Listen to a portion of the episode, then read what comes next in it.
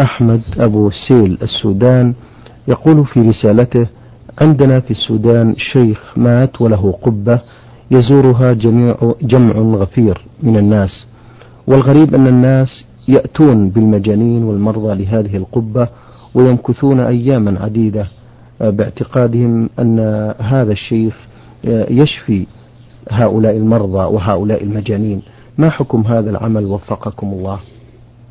الحمد لله رب العالمين والصلاة والسلام على نبينا محمد وعلى آله وأصحابه أجمعين. الجواب على هذا السؤال أن هذا العمل عمل محرم بلا شك وهو مع, وهو مع تحريمه شرعا سفه عقلا لأن هؤلاء الذين يأتون إلى هذه القبة المضروبة على هذا القبر بمن أصيبوا بالجنون أو بالمرض من أجل استشفائهم بحضورهم إلى هذا المكان. سفهاء في العقول سفهاء في العقول. وذلك لأن هذا الميت ميت. جماد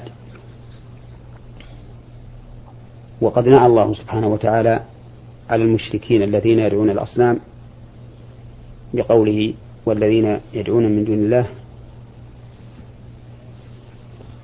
لا يخلقون شيئا وهم يخلقون أموات غير أحياء وما يشعرون أيان يبعثون. فالميت لا ينفع نفسه ولا ينفع غيره. حتى إنه قد انقطع عمله كما ثبت في الحديث عن النبي صلى الله عليه وسلم.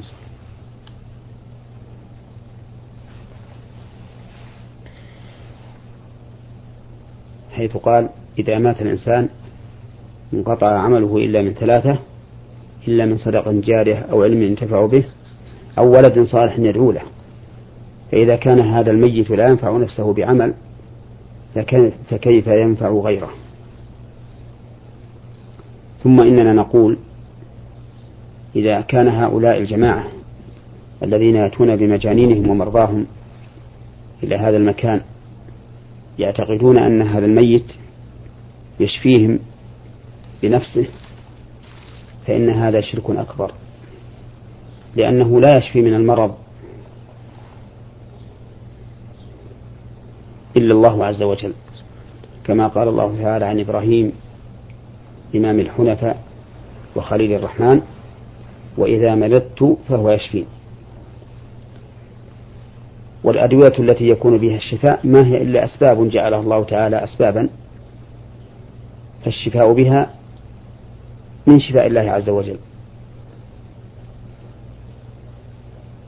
فإذا اعتقد هؤلاء الذين يحضرون إلى هذا القبر بأن صاحب القبر يشفيهم بنفسه فإنه شرك أكبر مخرج عن الملة لأنهم اعتقدوا أن مع الله تعالى خالقا وشافيا وهذا شرك في ربوبية الله سبحانه وتعالى.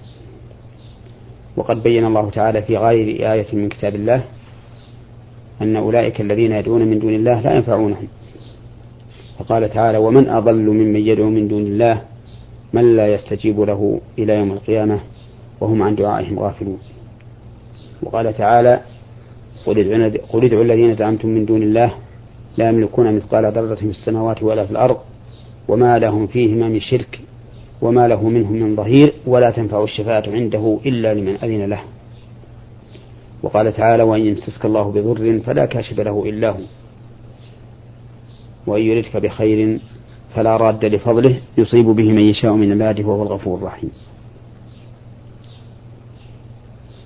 فنصيحتي لهؤلاء أن يلجأوا إلى ربهم سبحانه وتعالى فإنه هو الذي بيده ملكوت السماوات والأرض وهو القادر على شفائهم.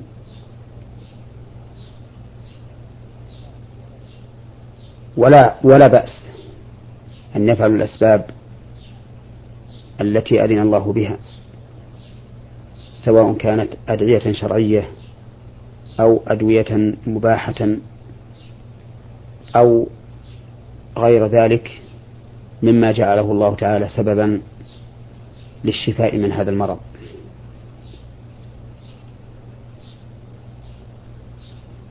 وأخيرا أقول إن هذه القبة التي بنيت على القبر الذي ذكره السائل يجب أن تهدم. لأن النبي صلى الله عليه وسلم نهى عن البناء على القبور.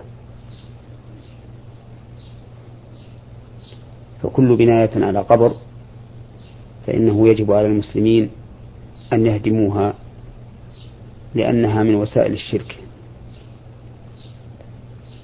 والواجب على المسلمين عامة أن يقضوا على وسائل الشرك. بالبرهان.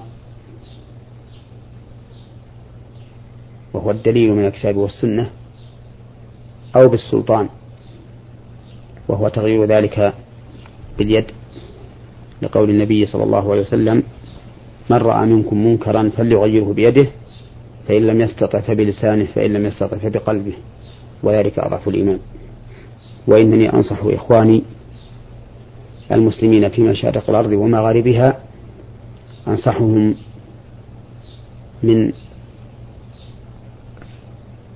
مثل هذه الأعمال التي ابتلي بها كثير من الناس حيث يتعلقون بمن دون الله عز وجل يعلقون آمالهم به يدعونه لكشف الضر وجلب النفع مع أن الأمر كله لله عز وجل. ودعاؤهم هذا لهؤلاء المخلوقين شرك بالله. قال الله تبارك وتعالى وقال ربكم ادعوني أستجب لكم إن الذين يستكبرون عن عبادتي سيدخلون جهنم داخرين. فجعل الله تعالى الدعاء عبادة. وصرف شيء من العبادة لغير الله كفر وشرك. ولا فلاح معه. قال الله تعالى ومن يدعو مع الله إلها آخر لا برهان له به فإنما حسابه عند ربه إنه لا يفلح الكافرون. أسأل الله لنا ولهم الهداية. شكر الله لكم. آه هذه رسالة وصلتنا من المستمع عبد الحليم سليمان آه جدة يقول في رسالته ما حكم إذا كشفت المرأة وجهها أثناء قراءة القرآن الكريم؟ أفيدونا بارك الله فيكم. لا بأس على المرأة إذا كانت تقرأ القرآن أن تكشف وجهها. ولا حرج عليها في ذلك إلا إذا كان حولها رجال غير محارم لها فإنه في هذه الحال يجب عليها أن تغطي وجهها. وذلك لأن المرأة لا يحل لها أن تكشف وجهها إلا لزوجها ولمن كان من محارمها. والمحارم هم الذين يحرم نكاحهم إياها بنسب أو سبب مباح. فكل من تحرم عليه تحريما مؤبدا بنسب أو سبب مباح فهم من محارمها. مثل بل نقولها على سبيل الحصر وهم آباؤها وإن علوا سواء كانوا من قبل الأب أو من قبل الأم وأبناؤها وإن نزلوا سواء كانوا أبناء أبناء أو أبناء بنات.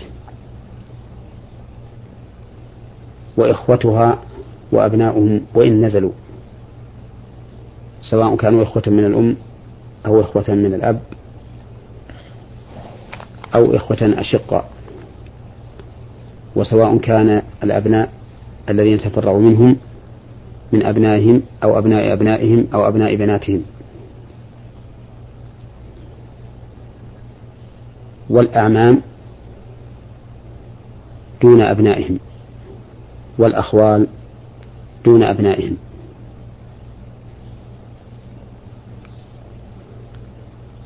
وكذلك أبو زوجها أبو زوجها من النسب وآباؤه وإن علوا سواء كان آباؤه من قبل الأب أم من قبل الأم. وكذلك أبناء زوجها وإن نزلوا سواء كانوا أبناء بناته أو أبناء أبنائه.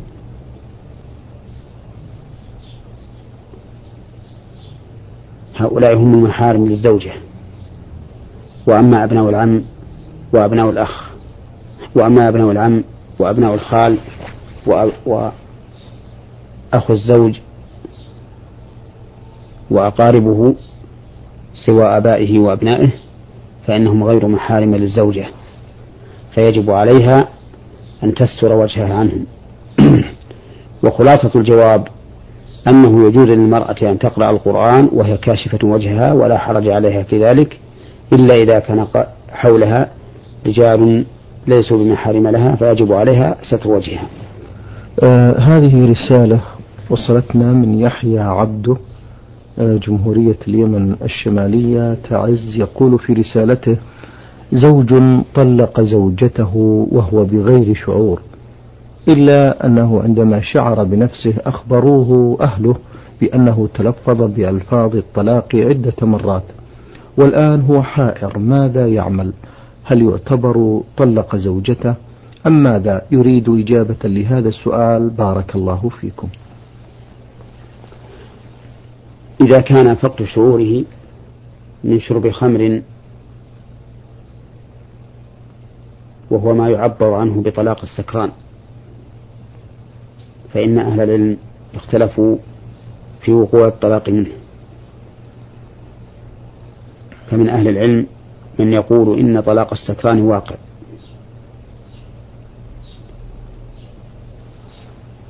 عقوبة له على سكره. لأن السكر والعياذ بالله محرم بالكتاب والسنة وإجماع المسلمين. قال الله تعالى يا أيها الذين آمنوا إنما الخمر والميسر والأنصاب والأزلام رجس من عمل الشيطان فاجتنبوه لعلكم تفلحون. إنما يريد الشيطان أن يوقع بينكم العداوة والبغضاء في الخمر والميسر ويصدكم عن ذكر الله وعن الصلاة فهل أنتم منتهون؟ وقال النبي صلى الله عليه وسلم كل مسكر خمر وكل مسكر حرام. وأجمع المسلمون على تحريم الخمر. وقال أهل العلم من اعتقد إباحة الخمر وهو ممن قد عاش بين المسلمين فإنه يكون كافرا. لاستحلاله محرما أجمع المسلمون على تحريمه فيكون بذلك كافرا. فيرى بعض أهل العلم لشدة جرم شارب المسكر يرى أنه من تمام عقوبته أن نؤاخذه بكل أقواله ومنها الطلاق. فإذا طلق وهو سكران وقع الطلاق منه. ويرى آخرون من أهل العلم أن طلاق السكران لا يقع لأنه بغير شعوره وبغير إرادته. والأصل بقاء النكاح. وعقوبة السكران. إنما تكون بضربه. لا ب لا بمؤاخذته بأقوال لا يقصدها. ولا يريدها. ثم إننا إذا عاقبناه بوقوع الطلاق فقد يكون عقوبة له ولأهله أيضا. لأن الطلاق يتعلق بشخص آخر غير المطلق. غير المطلق وربما يكون له أولاد من هذه الزوجة فيحصل بذلك تفريق الأولاد وتشتيت العائلة. وهذا القول هو الراجح. أن طلاق السكران لا يقع. وقد نص الإمام أحمد رحمه الله على رجوعه عن القول بطلاق السكران. وأخبر أن سبب رجوعه بأنه إذا قال بوقوع طلاق السكران أتى خصلتين. حرمها على زوجها وأحلها لرجل آخر. وإذا قال بعدم وقوع طلاق السكران لم يأتي إلا خصلة واحدة وهو أنه أحلها لهذا الزوج السكران.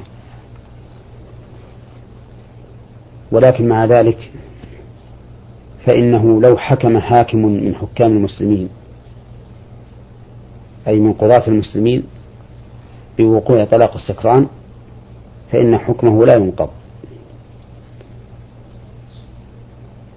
ونصيحتي لإخوان المسلمين أن يتجنبوا مثل هذه السفاسف التي لا يستفيدون منها سوى تلاعب الشيطان بهم وبعقولهم. وقد ثبت من حيث الواقع أن السكر يؤدي إلى مفاسد كثيرة. لأنه مفتاح كل شر. كثير من السكارى والعياذ بالله يحملهم السكر على أن يقتلوا أنفسهم أو يقتلوا أحدا من أهلهم وربما يحمله السكر على أن يفجر بأمه أو بأحد من محارمه. نسأل الله لنا ولإخوان المسلمين العافية. آه هذه رسالة من المستمعة أم هيفا العراق بغداد تقول في رسالتها أنا متزوجة ولي بنت واحدة عمرها 12 سنة.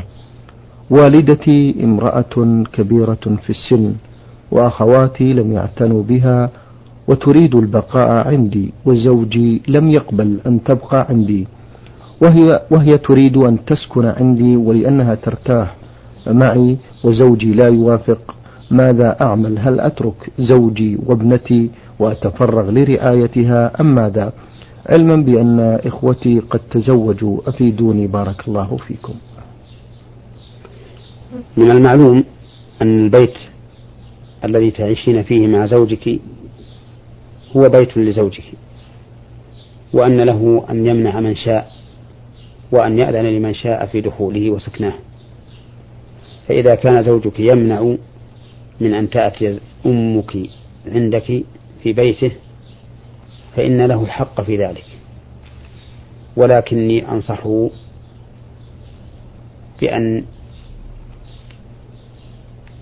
يكون مرنا وأن يأذن لأن تعيش أمك عندك في البيت. لما في ذلك من الإحسان إلى أمك والإحسان إليك. وقد ندب الله تعالى إلى الإحسان وأخبر أنه يحب المحسنين. فقال وأحسنوا إن الله يحب المحسنين.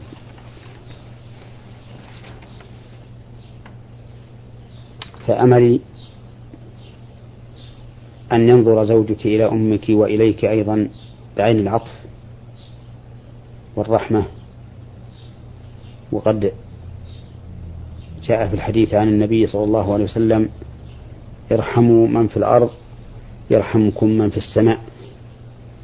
فإذا كان عيش والدتك عندك أطيب من عيشها عند أحد سواك فالواجب فالذي ينبغي أن يأذن الزوج بسكناها في بيته. بارك الله فيكم. أيضا آه، تقول في رسالتها آه، لنا لنا جار رجل مسن وعاجز لا يصوم ولا يصلي قبل العجز وحتى الآن وهو رجل شرير يتعدى على الناس ويتكلم عليهم بكلمات سيئة علما بأن عقله سليم ويطلب منا ومن الآخرين أن يساعدوه ويطلب منهم الطعام هل علينا أن نعطيه أم ماذا؟ علما بأنه لا يقبل النصيحة. أفيدونا. بارك الله فيكم. إذا كان هذا الرجل كما وصفته السائلة لا يصلي ولا يصوم فإنه لا حرمة له ولا ينبغي أن يعينه بشيء يطلبه من أكل أو شرب أو لباس أو غير ذلك. لأن المرتد عن الإسلام حكمه أن يدعى إلى الإسلام فإن أجاب وتاب إلى الله عز وجل من ردته قبل منه وصار له ما للمسلمين وعليه ما على المسلمين وإن امتنع واستمر على ردته فإنه يجب أن يقتل. وفي حال قتله على الردة لا يجوز أن يغسل ولا أن يكفن. ولا أن يصلى عليه ولا أن يقبر مع المسلمين ولا أن يدعى له بالرحمة والمغفرة لأنه ليس من أهل الرحمة والمغفرة.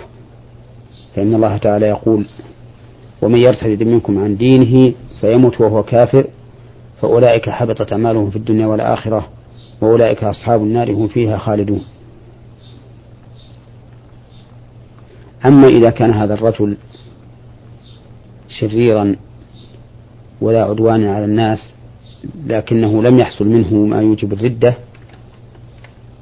فإنه ينظر إلى المصلحة. فإن اقتضت المصلحة أن يعان بشيء من الأمور أعين وإن لم تقتضي المصلحة ذلك فإنه لا يعان. ويجب على ولاة الأمور أن يردعوا أهل الشر والفساد عن شرهم وفسادهم. حتى تستقيم أمور الناس ولا تحصل الفوضى في مجتمعهم. شكر الله لكم. آه هذا الهادي محمد من السودان هذا الهادي محمد من اليمن الشمالي آه مقيم في اليمن الشمالي لواء تعز يقول في رسالته احتلمت في ليلة شديدة البرودة يتعذر فيها الاستحمام فقمت لصلاة الصبح وتيممت وصليت الصبح وجاء الظهر فنسيت الجنابة وتوضيت وصليت إماما وجاء العصر فتذكرت الجنابة فقمت واغتسلت وأعدت صلاة الصبح والظهر ولكن الجماعة تفرقوا أرجو أن تفيدوني عن هذا العمل وعن صلاة الجماعة حكمها. بارك الله فيكم. يقصد وعن مصير صلاة الجماعة. نعم. أما صلاتك الصبح التي صليتها بالتيمم نظرا لأنه لا يمكنك استعمال الماء لشدة برودته فإن كان عندك شيء يمكنك أن تسخن الماء فيه أو أن تسخن الماء به فإن تيممك لا يصح. لأنه يمكنك أن تسخن الماء وتغتسل به ثم تصلي. وإن لم يكن عندك ما تسخن به الماء وخفت على نفسك من البرد وتيممت فإن صلاتك الصبح صحيحة بالتيمم ولا حاجة إلى إعادتها. وأما صلاة الظهر التي نسيت أن تغتسل عن الجنابة لها فإنها غير صحيحة ويجب عليك أن تعيدها. وأما الجماعة الذين صلوا خلفك فإنه لا إعادة عليهم.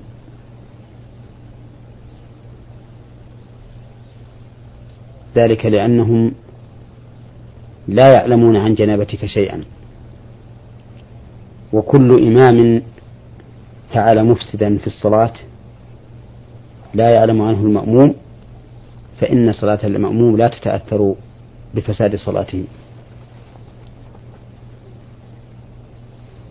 حتى إن الإمام لو دخل في الصلاة ناسيا لحدثه ثم ذكر في أثناء الصلاة فإن صلاة المأمومين لا تبطل بذلك. بل في هذه الحال إذا تذكر أنه على غير طهارة في أثناء صلاته يجب عليه أن ينصرف من الصلاة. وأما بالنسبة للمأمومين فإنه يقول لأحد منهم تقدم يا فلان فأتم بهم الصلاة فإن لم يفعل ذلك فلهم أن يتموها فرادى ولهم أن يقدموا أحدهم يتم بهم الصلاة وصلاتهم صحيحة على كل حال. بارك الله فيكم.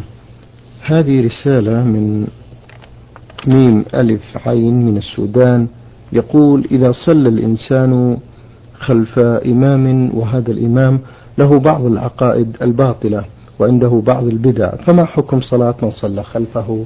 أفيدونا. بارك الله فيكم. الصلاة خلف مبتدع لا تخلو من حالين. الأولى أن يكون أن تكون البدعة موجبة للكفر. نعم. ففي هذه الحال لا تصح الصلاة خلف من اعتنق هذه البدعة لكن من كان جاهلا لا يدري عنه. حتى انتهت صلاته فإن صلاته خلفه صحيحة لأنه معذور بالجهل. والحالة الثانية أن تكون البدعة غير مكفرة. بل مفسقة فالصلاة خلفه مبنية على صحة الصلاة خلف الفاسق. وفيها قولان لأهل العلم والصحيح أن الصلاة خلف الفاسق صحيحة لأن صلاته هو بنفسه صحيحة فتكون صلاة من ائتم به صحيحة أيضا. ولكن لا شك أنه ينبغي الإنسان أن يتحرى الإمام الذي يكون عدلا في دينه موثوقا في أمانته. بارك الله فيكم. أخوتنا المستمعين الكرام أجاب على أسئلتكم فضيلة الشيخ.